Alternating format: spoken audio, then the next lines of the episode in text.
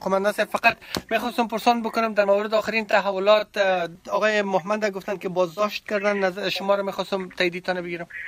بعد از یک زد خورد بسیار چیز داخل میدان هوایی که منجر به زخمی شدن و کشته شدن یک چند نفر شد. بازو را گرفتن.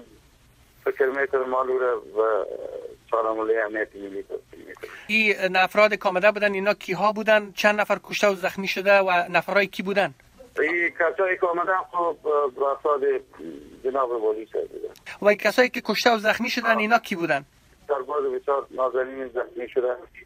و در حالت یاد داخل شدن که بسیار یک رقم که من من از کماندان امنی ولایت که میگه بودم که من می‌خواستم این موضوع را حل کنم تا سوار جناب وزیر به داخلی ما بر مکتب داد که و منصب امنیتی ما مراد علی مراد جنرال هدایت داد که سبا این موضوع را حل فتح کنین و چیز پس روان کنین به کابل. همین وکیل شده اما متاسفم قماندان صاحب آیا شما بعد از درگیری و برخورد همراه با ولی صاحب صحبت نکردن این موضوع همراه از در جریان نگذاشتن من فعلا در میدان هوایی هستم برادر. من حالا می‌خوایم برم مانم دستی ببینم. حالا دیگه پولی شاید استراحت باشم یا هر رقمی که باشه.